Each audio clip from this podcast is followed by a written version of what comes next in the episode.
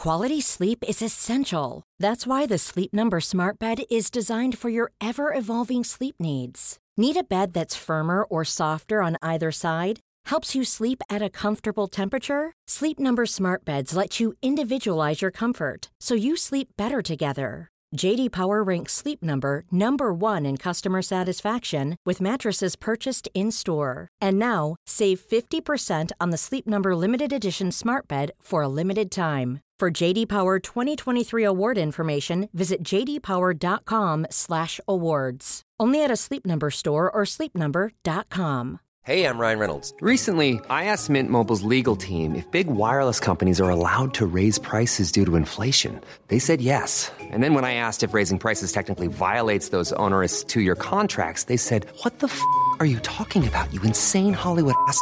So to recap, we're cutting the price of Mint Unlimited from $30 a month to just $15 a month. Give it a try at mintmobile.com slash switch. $45 upfront for three months plus taxes and fees. Promo rate for new customers for limited time. Unlimited more than 40 gigabytes per month. Slows. Full terms at mintmobile.com. Many of us have those stubborn pounds that seem impossible to lose, no matter how good we eat or how hard we work out. My solution is PlushCare. PlushCare is a leading telehealth provider with doctors who are there for you day and night to partner with you in your weight loss journey. They can prescribe FDA-approved weight loss medications like Wagovi and Zepbound for those who qualify. Plus, they accept most insurance plans. To get started, visit plushcare.com slash weight loss. That's plushcare.com slash weight loss. Cool fact a crocodile can't stick out its tongue. Also, you can get health insurance for a month or just under a year in some states. United Healthcare short term insurance plans, underwritten by Golden Rule Insurance Company, offer flexible, budget friendly coverage for you. Learn more at uh1.com. Here's a cool fact a crocodile can't stick out its tongue.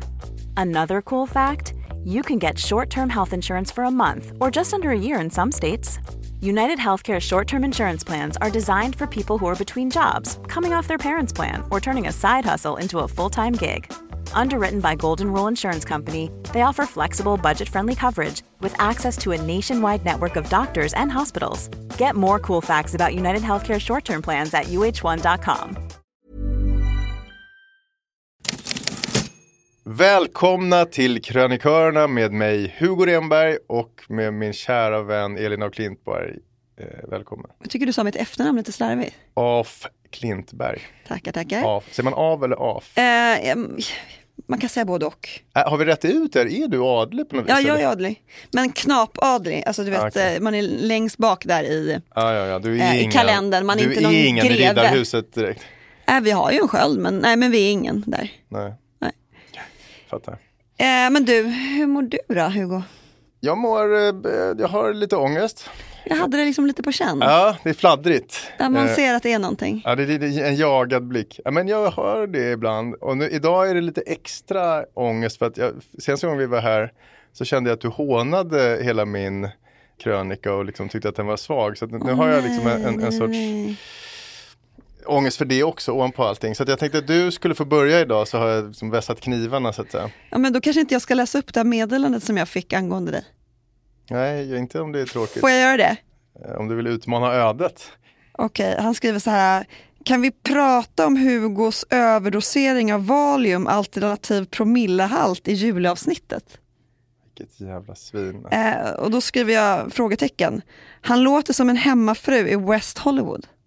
Vad är det för fel med det? Vad är det för jävla man, kvinnoförtryck, mansgris som Då har? skriver jag så här, jag vet inte om jag är så lojal här. Ha ha ha. Vet inte om jag vågar påpeka det för honom. Och då svarar han, lyssna igen. Var tvungen att kolla om jag lyssnade på 0,5 hastighet. Otroligt. Nej, men det är semesterhjärnan. Eh, ta bort dina kulturkompisar nu eh, som du har. nu är det din tur. Ja, Kul, varsågod. jag har två spaningar. Den första är, dansar mäns och kvinnors smaklökar i olika riktningar? Och när bestämdes det att kvinnor föredrar en viss typ av mat som till exempel kyckling, quinoa-sallad och vitt vin medan männen går loss på liksom chili, biff, bacon och rödtjut? Ja, kul ämne. Är det här biologiskt eller är det kulturellt? Det Mm. tänkte jag utreda. Mm. Min andra spaning handlar om att varför är det fortfarande, trots att både du och jag är i medelåldern, pinsamt att prata med sina föräldrar om sex? Eh, Jag hade lånat en resväska av min mamma nu när jag var i Grekland och så var jag hemma hos henne och eh, då så kom hon ut med en grej i handen och sa så här. Jag tror att du glömde din leksak. Oh, jävlar, Så jävla pinsamt. Nej, jag vet. Och då var det en liten så här vibrator och jag ville alltså bara dö. Alltså, det var så pinsamt. Alltså, det hettade i mitt ansikte i flera timmar efteråt. Ja men det är kul, men nu har du ju redan gjort den, alltså, varför, det är ju bara pinsamt och nu har du ju dragit den roliga historien. Ja, ja, okej, men Eh, det fanns mer. Men, ja. Ja, nej, men jag håller ju med, men eh, den andra tycker jag har lite mer eh, Den första menar du? spänst, alltså med, med smaklökarna Ja, och manligt och kvinnligt. Så att jag, Och vi jag- är ju en spänstig podd, så att, eh, Ibland i alla fall. när vi inte går Enligt på Valium. Ja. Ta nummer ett. Mm, okej.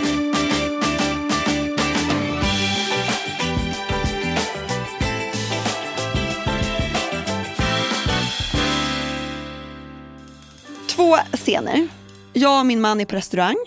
Han beställer in en fet biff och ett glas rött. Jag beställer kycklingbröstet och ett glas vin. Så jävla stereotypt. Mm. Men det är ju verkligen så det ser ut. Mm. Hur, hur ser det ut för dig? Dig och din fru? Hur? Eh, Ja, lite åt, nej, eh, nej, nej, nej, Kristina är, så hon tar ett Pinot, hon tar, om jag beställer Brunello rött så tar hon kanske Pinot Noir för hon gillar dem lättare, men hon tar alltid ett glas rött. Ja, hon tar glas rött, Nej, ja. men hon går för biffen, absolut. Hon kör det? Ja, okej. absolut. Mm, ja, men jag är väldigt stereotyp där, vilket jag nästan liksom skäms över. Och till exempel en sak som kan göra mig oerhört irriterad, det är när min man har handlat och så kommer han hem och så finns det liksom i påsen ligger bröd, ost, olika typer av korvar, choklad. Dennis, hotdogs. Nej. Och ingenstans i den här påsen finns det något frukt eller grönt. Jag måste bara flika in, nej det är ju kul. Ja, men man blir Eh, väldigt jag irriterad. måste bara flika in apropå ditt ämne. Vi, vi pratade i veckan, jag, på redaktionen har jag några 30-åriga singeltjejer. Mm. Och så hörde jag dem snacka i veckan om hur viktigt det är att handla snyggt. Ehm, Och då att man ska se snygg ut när man handlar. Nej, det ska man nog också göra. Det, det här Mm. handlade om maten. Eh, när de går på ICA och kommer fram till kassan, då vill de langa upp zucchini, havregrädde, quinoa, kanske en kombucha. Jaha, Det, det är de, deras mardröm är att de ska grejer. stå där och så ska det komma någon liten sådär snygg singelman och så står de och lägger upp falukorv, ketchup och en, en stor jävla cola. För då, det gud vad är, intressant. nej, men då blir de dömda. Det är de. verkligen att ta det här snabbt. Alltså jag kan ju ibland skämmas när man handlar så här onyttiga saker. Jag vet, när det ligger massor med chips och när det ligger massor Ja. med funlight, alltså saker som vi faktiskt konsumerar hemma. Men det kan vara lite pinsamt när man som mamma hivar upp de här sakerna på bandet. Nej, men det här var nytt för mig, liksom handla snyggt. Vid, Handla eh, snyggt det, för det att norpa. Jag fattar. Mm. Ja, men jag i alla fall eh, försökt göra lite research för att förstå det här med manlig och kvinnlig mat. Och eh, för att förstå det helt och fullt så måste man faktiskt kika åt det där stora landet i väst som skapar så många av våra trender och levnadsmönster. Och jag har som vanligt gjort jobbet åt er. Jätteduktig. Jag har skummat, som vi gör på, i den här podden, boken American Cuisine and How It Got This Way. Och det är så jäkla intressant läsning, för här kan man då läsa om kvinnlig kontra manlig mat. Och att det dök ju inte upp bara så här spontant, utan det här skedde stegvis. Innan inbördeskriget i USA, vet du när det var? 1700-tal kanske? 1700-talet, så är det? Mhm. Civil War, nej. Civil War, Nej, 1800-talet kanske va? 1861-65. Ja, ja, ja. Då åt hela familjen samma mat tillsammans. Det finns inte en enda kokbok eller tidningsartikel som pratar om manlig eller kvinnlig mat. Det fanns faktiskt kvinnorestauranger där damer då kunde äta utan sällskap. Men då åt man precis samma rätter som i männens matsalar. Det var slaktbiprodukter, kalvhuvuden och stekt kött. Inte så himla feminint, eller hur? Nej, ingen chablis. Men så händer någonting. Det här är ganska länge tillbaka, det är en historielektion, jag, jag varnar dig, men det är intressant. 1870 förändras detta. För då får kvinnor för första gången i historien tillgång då till, alltså tillträde till arbetsplatsen. Och det gör att fler kvinnor äter ute. Och då börjar det liksom komma en uppfattning om att vissa livsmedel är mer lämpliga för kvinnor. Till exempel då att eh, magasin och tidningsrådskolumner de identifierar att fisk och vitt kött med pytte lite sås och nya produkter som till exempel keso, att det var kvinnlig mat. Och dessutom så etablerade man att allt sött var kvinnligt, alltså glass, desserter, godis var kvinnligt och inte manligt. Är du med? Ja, men det finns ju, jag har läst någonstans att kvinnor får mer dopaminpåslag när de käkar choklad. I någon av studierna någonstans som jag grävde upp. Så det kanske finns någon, men bara tillbaka, om man får backa bandet till er första middag där. Tycker du att det är godare med den där fisken och det vita Ja. vinet än, Jag tycker verkligen det. och har alltid tyckt det? Och ha all, men det är det, ha, är det här äh, ett inlärt beteende som jag då har översatt till att det här faktiskt är min smak eller inte? Det är det jag vill på något sätt nysta lite i här. Ja, mm. Men okej, det. du då, att för 150 år sedan, då för första gången kommer det manlig och kvinnlig mat. Mm. Mm, mm. Och sen hoppar vi nu fram till 50-talet, det var ju liksom eran för alla hemmafruar. Och då började det komma en uppsjö av kokböcker hur kvinnor skulle laga mat. Men då var det då mat som männen skulle älska.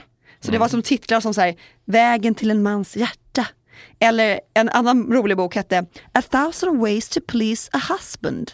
Det låter som här Don Draper hittade på. Ja, eh, verkligen. Nej, men de här finns. Eh, Jag såg bilder på dem och eh, jättetjusiga kvinnor som står i förkläden och ska se väldigt förföriska ut. Men alltså alla rätter är bara bruna.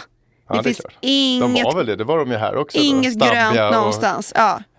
Kolesteroltunga. Mm. Så gör vi till hopp då, vi är framme på 70-talet. Nu förändras maten drastiskt. För bara, alltså, det är den där första, du har en liksom lite negativ ton. Du tycker att den här osjälviska stilen som kvinnorna hade på 50-talet, att det är något dåligt? Svar ja. Okej, vi fortsätter. Eh, du är Don här alltså. Djävulens advokat. Ja, men precis. På 70-talet så börjar ju kvinnor på riktigt ge sig ut i arbetslivet. Man bränner bhn och någonting väldigt stort hamnar i hemmet. Mikrovågsugnen. Just det. Och nu liksom etableras då TV-dinners och de här väldigt komplicerade rätterna som man lagade på 50-talet försvinner. Nu ska det gå snabbt och det är få ingredienser. Men fortfarande när man kollar i, liksom, i magasin från 70-talet så är det samma narrativ. Att liksom, det finns mat som är kvinnlig och den är hälsosam och den är grön. Och det finns mat som är manlig och den är liksom äventyrlig mat. Det är grill och det är bourbon. Ja. För grottmannen.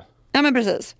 En annan jävligt rolig grej, från, det var en artikel i, som jag hittade i New York Times från 2007. Och då var det en människa som hade skrivit en artikel om att unga kvinnor i New York på första dejten, eh, att det var en trend att beställa biff. Och det kanske inte var att de verkligen gillade det, utan de, det var en strategi för att få män att tycka att de var så sköna, det var så cool girls. Ja, ja, ja. Cool Man är girl. inte liksom besatt av sin hälsa eller sin kost och man har, du vet man kommer inte vara på mannen om han äter ohälsosamt utan man är bara en cool Men man girl. var smal ändå när man beställde den där. Men jag vet, och då, precis vad jag tänkte på. Den, är ganska, alltså, den strategin funkar ju om du är en jävligt snygg, smal eller normalbyggd tjej. Men om du är där och är lite små tjockis, sitter Nej, och, och nej, dricker det- bärs och äter jättestor biff. Det är inte lika Men det är inte lika sexigt sexigt. kanske. Nej. Nej.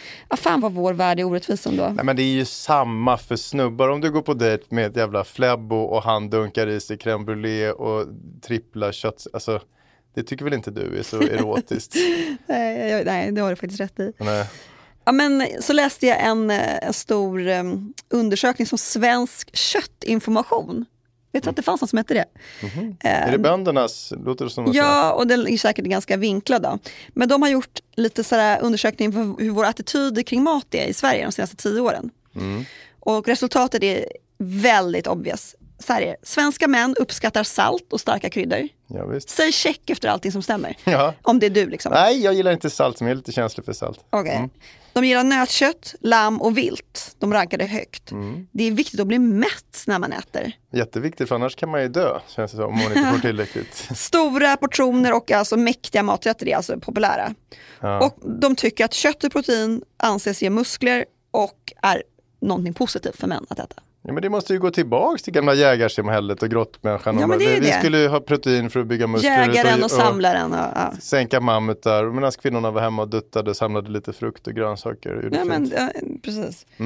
Och i Sverige då, senaste tio åren, alltså det här är ju öppna dörrar, men jag säger det ändå. Sötsaker anses kvinnligt. Kvinnor rankar grönsaker och frukt mycket, mycket högre än män. Att vara smal är jättehögt värderat bland oss kvinnor. Och därför vill vi ha fettsnål mat och små portioner. Och att bli, Franska. ja, och att bli allt för mätt, det är inte någonting positivt. Nej, Nej. man vill inte vara däst. Nej, exakt. Och vitt kött som kyckling och fisk är mycket högre värderat än rött kött. Ja. Inga konstigheter. Men värderat igen, så men man tycker, för det här är ju det intressanta. Ja, men precis. Må, alltså, ställer man in smaklökarna på att till slut gilla... Jag eh, skulle ju vilja vara en sån tjej som liksom, ja men du vet, beställer kött och en whisky typ. Men nej, alltså nej, absolut inte. Jag är inte sugen på det liksom. Nej, nej. Eh, Och så har jag bara så här snabbt, det låg en eh, L hemma, alltså ja, en vanlig L, men de har ju matreportage och så låg det en King. Och så kollade jag i L och då var det så här, mat som boostar din hud. Ja. Och i King var det, så blir du en grillmaster. Och För det, Johan Jureskog stod och Ja men exakt, burgare. det är liksom tuffa killar i kockkläder och det är liksom knivar i bild Ja. ja, och blod. Och ju de här tjejreportagen, då står ju oftast en tjej i en så här fin klänning och lägger så här sista handpåläggningen på dukningen. Så gud, vi har inte kommit någonstans, att vi bara fortsätter att etablera det här narrativet om feminin och manlig mat. Ja, men det verkar ju också vara så. Det var då, du sitter ju själv och säger att du gillar fisk. Och Jo, jag vet, jag vet så jag kan inte förändra det heller. Och jag, vill jag förändra det? Jag vet inte. Men Kan vi inte få vara olika? Det kan få, jo, precis. För jag måste tillbaka till min grundfråga. Mm. Dansar våra smaklökar i olika riktningar?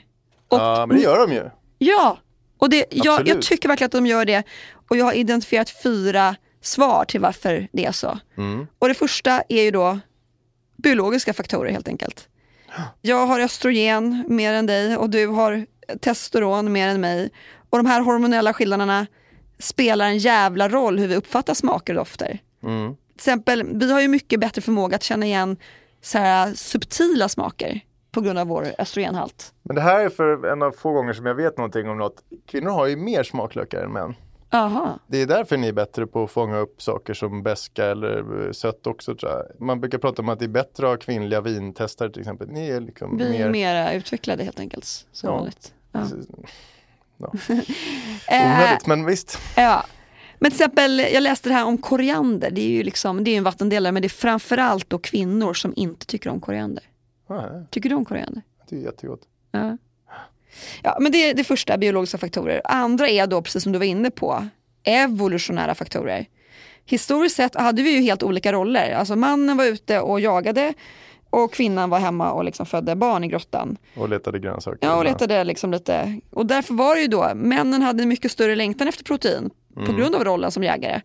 Och vi hade större aptit för mat med liksom hög energi för att då kunna amma eller kunna klara av en graviditet. Och det här lever kvar fortfarande då? Ja, 2023. obviously. obviously. Och sen kulturella och sociala faktorer. Och det här är ju inlärt beteende. Att eh, kultur och samhälle spelar en enorm roll när de formar våra matpreferenser. Det är klart. Det är jätteförknippat med våra traditioner och våra kulturer, hur vi förbereder mat och hur vi äter den och sådär.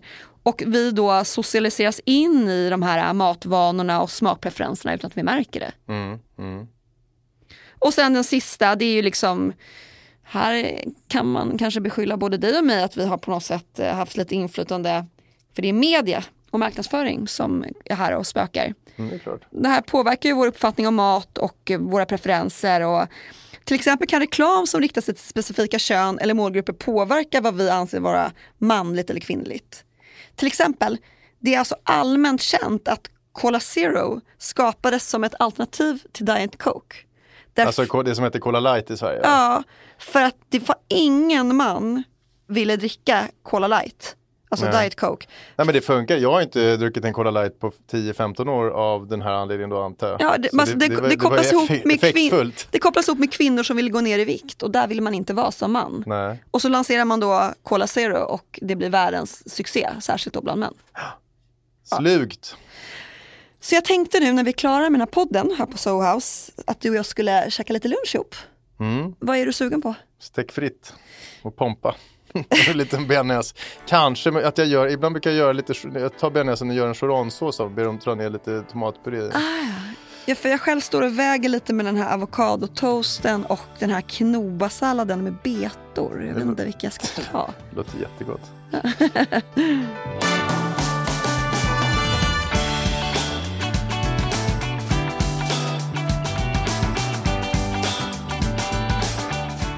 Ja, nu är jag ju lite spänd och ångesten är kvar men ehm, jag vågar ändå kasta mig ut. Här är mina två då. Jag har så jäkla höga förväntningar på dig nu. Det kommer bli så mycket bättre än förra gången. Ingen press. Nummer ett, Tre livslektioner från Matthew McConaughey. Det är här i en av mina favoritskådisar. Han har skrivit en slags biografi och självhjälpsbok i en. Och då har jag kokat ner liksom tre smarta livsråd från honom om hur man dämpar sitt ego, om hur man hittar riktningen i livet när man är lost och varför det är nyttigt att tänka som en outlaw då och då. Men alltså, heter han Matthew McConaughey? Säger Matthew? McConaughey säger man. Säger man Matthew McConaughey? Matthew McConaughey. Oj då. Ja, okej. Oops. Hugo, jag känner att det här är din dag idag. Du är, du är pigg, du, du är revanschsugen och jag har precis haft fel. Det är det bästa. Nummer två då. Därför kan du skita i barnens betyg. Det här är en liten uppmuntrande historia till alla föräldrar som oroar sig över ungarnas Går det inte så bra för. Sigge just nu eller? ja. Han går okej. Ja. Ja, han har inte Eh, Men jag är inte så orolig. Det här är det, det som är min spaning, att det kommer lösa sig ändå. Hade du bra betyg? Ja, sådär. Och det gick ju bra. Ja, det gick bra. Ja, då känner jag att då har vi löst den. Så att, Då har vi rätt ut den. Ja, ja, men då tar Så vi... blir det Matthew McConaughey då. Jag vill höra om Matthew McConaughey. Ja. Läser du mycket självbiografier? Nej. Och det Varför tror jag då? också är väldigt så här, typiskt manligt. Att män läser väldigt lite romaner och väldigt mycket självbiografier. Jaha. Ja, ja, så är det kanske. Ja. men jag tycker det är kul att kasta in en självbiografi då då mellan deckare och romaner. För att man kan komma nära en människa, få ett livsöde, kanske inspireras och få in lite nya vanor i sitt eget liv.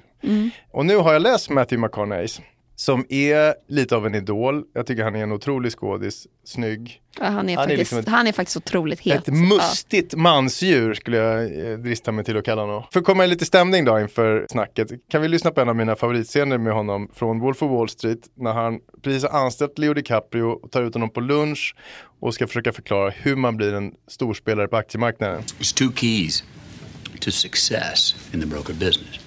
First of all, you gotta stay relaxed. Yeah.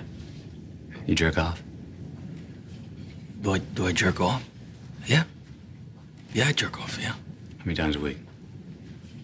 Like um, three, three, four, three, four times maybe. I pump those numbers up. Those are rookie numbers in this racket. I myself, I jerk off at least twice a day. Wow. Once in the morning, right after I work out, and then once right after lunch. Really? Prata om hur ofta man runkar, det är ju American Pie-nivå alltihopa. Men i hans känsliga händer så blir det till stor konst. Det är det som är det, det fina med det. Ja, hans självbiografi heter i alla fall Green Lights. Green Light är ju ett magiskt ord i filmbranschen. Att ett projekt man har blir greenlightat innebär att det, det får finansiering och, och blir något överhuvudtaget. Och han försöker överföra det här till sitt liv då när saker och ting fått grönt ljus. Den grejen är lite konstruerad men skit i det. Jag har kokat ner hans bok till tre tydliga livsråd som jag tänkte prata med dig om. Hur känns det? Ja, men bra. Kanske kan lära mig Råd någonting. nummer ett då. Lev efter en outlaw logic. Alltså, är det här råd till män eller är det råd till både män och kvinnor? Äh, till alla. Till jag. alla? Mm. Ja, McConaughey är fostrad i något som han har döpt till outlaw logic. Han är sydstatare, han är från Texas. Och i hans släkt finns massa boskapstjuvar, det finns pokerspelare, någon släkting var tydligen livvakt åt Al Capone, kända gangstern. Matthew McConaugheys pappa verkar ha varit en rätt viktig hustler, så han jobbar som säljare i, i oljebranschen. Mamman hittade på sin egen bakgrund för att hon skämdes för den verkliga. Båda två verkar ha haft ett oortodoxa idéer om hur livet skulle levas. Och det här var då idéer som de lät sippra ner till sina barn. Det kunde vara våldsamt hemma. Mamman slog pappan med stekpannor när hon blev arg på honom. Oj, Pappan bröt mammans långfinger fyra gånger. nej men gud. Fyra gånger efter att hon hade kört upp fuck you-fingret i fejan på honom. Det måste vara lite krokigt hennes stackars långfinger. De skilde sig, gifte om sig tre gånger. Pappan sa alltid till sina barn att han skulle dö medan han älskade med deras mor. Aha. Eh, det är fint. Men är det, är det någonting man vill höra från sin pappa? Jag vet inte, men Ja, så apropå blev det det. De dog, han dog föräldrar. mitt i ett samlag. Det måste i och för sig vara det bästa sättet att lämna jordelivet på. Ja. Har jag ändå tänkt. Ja, det är jättevackert. Ja. Ja, men du hör, det är inte den eh, vanliga uppväxten. I tonåren så skulle Matthew McConaughey vara med i en poesitävling. Och när mamman fick se hans egna försök till dikter så rynkade hon lite på näsan och tyckte de var rätt pissiga. Så hon föreslog att han skulle skicka en dikt skriven av en känd poet istället. Fuska helt enkelt. Eh, fuska helt enkelt. Det är inte så viktigt vem som har skrivit den, hon, bara du förstår den. Och vilken poet valde han då? Eh, hon hette Anne någonting, Anne Ashford kan hon ha hetat. Jag, vet, Okej. jag kan ingenting om, om poesi eller amerikanska inbördeskrig eller någonting uppenbarligen. Ja, men det var men, väl men på 1700-talet någon gång. Ja. Slutade i alla fall med att han vann tävlingen. Det här är ett exempel på outlaw logic. Att, man, att, man, att man fuskar och kör sitt race. Ja, man, kör, man tänker liksom utanför, kör sitt eget race lite grann. Jag är väldigt svag för sånt där. Och jag, när jag läste om det här så jag måste bara dra en egen, när jag lekte outlaw som liten, Ja. för det är så likt. Mm. När jag gick i åttan så hade vår svensklärare gett oss i uppdrag att skriva en hemuppsats. Jag var småstökig när jag gick i högstadiet, hade bomber och luvtröja och ballongjeans och var inte särskilt populär bland lärarkåren. Alltså bombarjacka menar du? Inte, du bar inte runt på bomber. Bombarjacka, Ja, bomberjacka. ja, jag ville bara Men jag kolla var hur. lite sådär blöjkicker. Det. Eh, och så kvällen innan uppsatsen skulle lämnas in så hade jag såklart inte skrivit ett skit. Men min farmor brukade köpa Niklas Strådströms böcker till mig. Mm. Och den låg där på skrivbordet, en av dem. Det var en novellsamling. Han skriver ju fantastiskt bra. Jag älskar honom. Ja. Det var länge sedan jag läste något. Men jag hör honom i det här allvarligt talet. Jag tycker han är jätte, jättebra. Min favorit i den här novellsamlingen handlar om en taxichaufför som plockade upp döden som passagerare. Mhm. Och för att vinna lite tid då, eller bara för att få till något överhuvudtaget, så skrev jag, jag skrev av Alltså Niklas ordagrant. Ja, jag kanske hoppade över någon mening för att jag var lat. Men Ah, ja. på det stora hela skrev jag av Niklas Strådströms novell och lämnade in till min svensklärare. Åh herregud. Och någon vecka senare fick vi tillbaks uppsatserna. Vår lärare hade som tradition att läsa upp de bästa texterna, det gjorde man väl? Ja, ja, alltid. Och favoriten, hans favorit var min klasskamrat Lisa Langset. Ja, gick hon, ja. Hon, ja, hon gick i din klass alltså. hon gick i min klass Mhm. och skrev såklart fantastiska uppsatser. Hon fick Ja. alltid femma och hon blev alltid uppläst. Mm. Jag hade aldrig någonsin blivit uppläst. Mm. Men den här gången blev du det Eh, eller? ja, men han började med att läsa Lisas uppsats högt, jättefint, hon är så himla bra. Sen gav han henne pappersbiten, arket med en stor röd femma på. Mm. Sen tog han fram ett nytt pappersark, harklade sig och började läsa upp min, min taxihistoria. Som ju var språkligt och dramaturgiskt lite avancerad för en åttondeklassare. Ja. Och sen fick jag uppsatsen med en stor röd fyra på. Nej. Och jag minns att jag funderade, är det liksom rimligt att Lisa verkligen har skrivit en bättre uppsats än den här Augustprisbelönade författaren? Men det, det sa jag Det inget hade om. nog för då med hade jag, bombarjackan att göra tror jag. eller hur? Fy fan vad bias. Men eh, Ja, jag det har där. bara, alltså en gång har jag eh, fuskat. Mm. Man skulle skriva en recension och då så tyckte jag väldigt mycket om eh, Jonas Gardell, en komikers uppväxt. Och då gick jag också typ i åttan. Mm. Och då snodde jag en recension från DN. För jag tänkte, det är väl ingen som läser den tidningen. Smart. Ja, och eh, då så strök hon under med rött allt som var plagierat från den och det var så jävla pinsamt. Ja. Ja, Ja. så det gjorde man ju inte igen. Outlaw, nej, det, outlaw-logiken funkade ju bättre för mig än för dig då, Ja. men inte helt och hållet på grund av de här förutfattade meningarna. Ja, anyway, en liten utsvävning. Men Matthew McConaugheys pappa hade också såklart outlaw-logik. När Matthew och hans två brorsor var i 20-årsåldern så skulle de utmana farsan för att bli män i någon sorts frigörelseprocess. Och i boken beskriver han hur det gick till när hans brorsa Mike skulle göra det. Då satt sönerna och pappan och söp i en lada. Som de tydligen gjorde ihop. Det är väldigt white trashigt det här, är inte det? Jo, men sydstater, Ja. Är fan, det är en annan värld. Ja, det är det. Och pappan bad Mike då att åka och stjäla rör från ett konkurrerande oljebolag från det där han jobbade på. Mhm. Det, det kallas rolling pipe och är tydligen en stolt sydstata-tradition. Mm.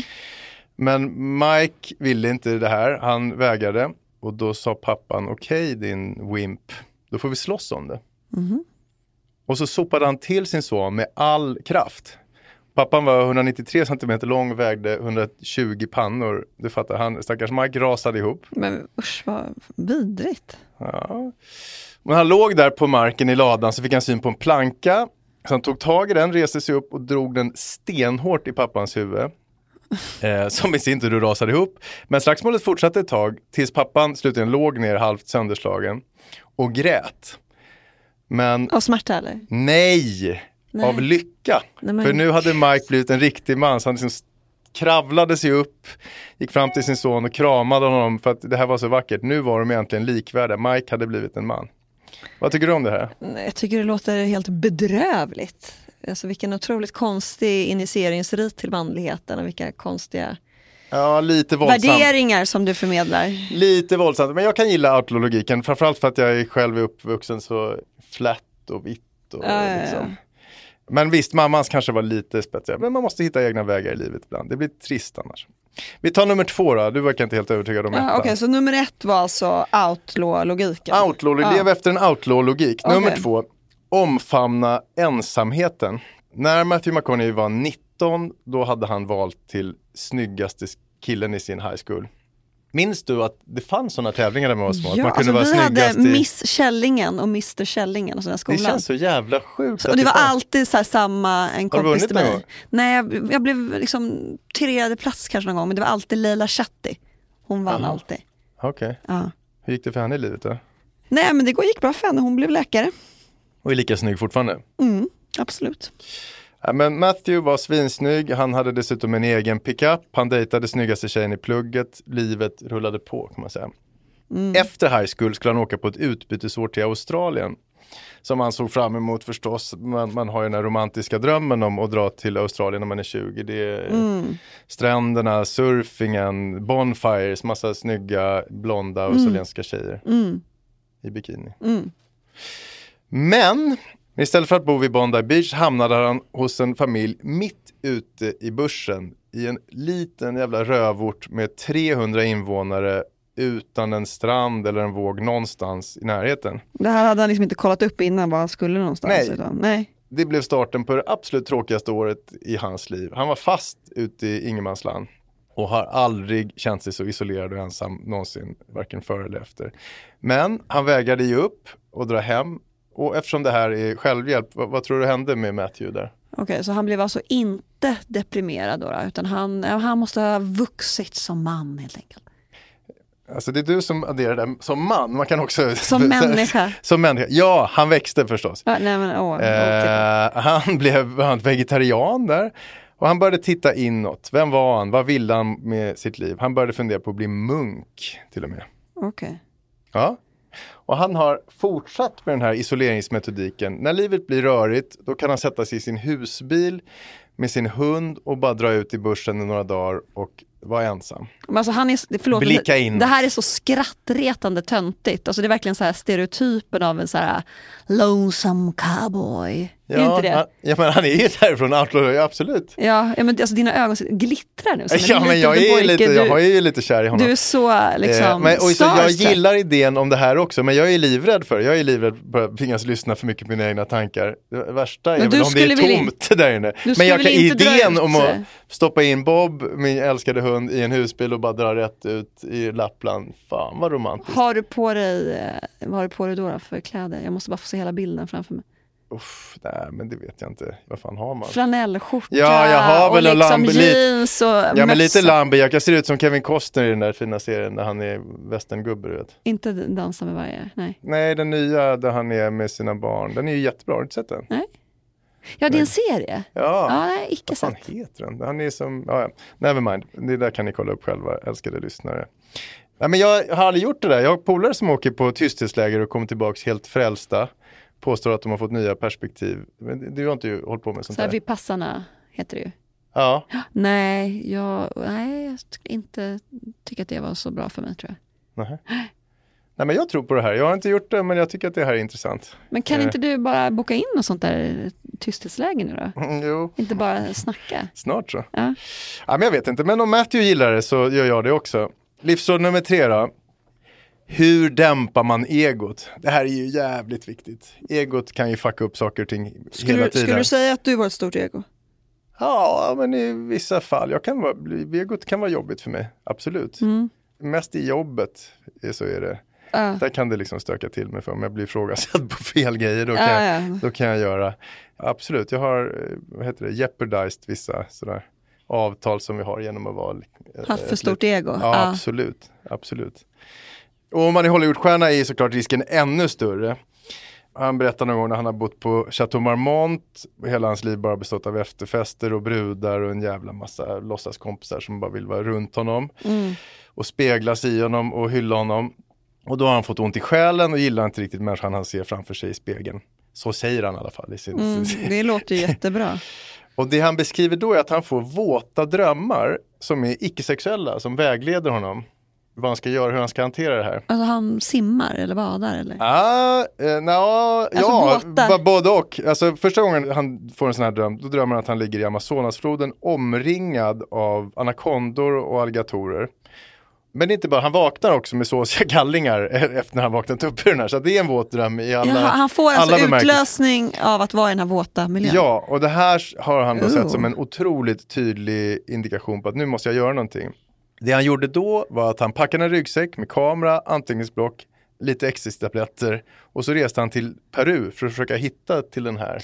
Men förlåt, alltså alla hans råd är så jävla så white privilege, här, white male privilege. Vem fan kan bara packa en väska och dra till Peru liksom? Du skulle kunna, kunna, skulle kunna göra det. nej. Det skulle gå jättebra. nej. Han har ingen familj som behöver honom eller när han håller på med de här äh, dumheterna. Alltså, jag tycker du liksom förstör Hollywoodsagan så mycket. Men det här kanske var innan han skaffat familj. Vad vet jag? Så Eh, odrägligt själviskt. Ja, där har han i alla fall rest ut i djungeln, presenterar sig för lokalborna som David. Han beskriver hur han sätter sig i sitt tält, klär av sig helt naken för att bli identitetslös, nallar lite ur sin påse. Hur fan får han med sig den på- han måste ju flyga privatjet dit Ja, förresten apropå, hur fan får han med Exakt. sig en ecstasy-påse från JFK Nej, eller det, det, LAX eller vad det han har får du inte. Nej, privatjet. Ja, Om skit du i inte har lagt i en kondom som du har svalt och sen bajsar ut. Ja, Kanske eller så. så. Precis, alltså, eh, never mind. Och sen börjar han slå sig själv stenhårt i ansiktet tills han börjar gråta. Nej men du hör ju, alltså, alla de här råden är helt idiotiska. Varför ska jag göra det för? Tydligen så mår han, har han mått mycket bättre eh, då efter den här lilla seansen. För den gav honom perspektiv. Och han har gjort liknande resor till Mali där han har levt med någon konstig magisk stambefolkning som tror på att stjärnorna ska styra allting. Kört samma grej. Mm. Lite extremt men härligt ändå. Mm. Eller? Ja men det här är ju som, det är klart att det är en bok som är lite bättre råd än Andrew Tate. Lite, Ja. lite. Mycket bättre. Nej, det är faktiskt, de balanserar på samma tunna tråd. va? Sluta. Så det är ingen av Matthew McConaugheys livslektioner som du kommer börja anamma nu? Absolut inte. Nähä. Tråkigt. Du då? Ja men ettan och tvåan definitivt. Ettan lever jag ju lite light efter redan idag. Trean får vänta lite grann.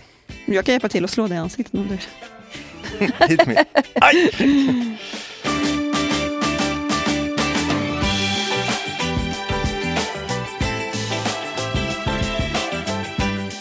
Tack ska ni ha som lyssnade på krönikörerna idag. När Hugo var fantastiskt duktig. Tack snälla. Vi hörs när vi hörs. Ja det är vi, hej!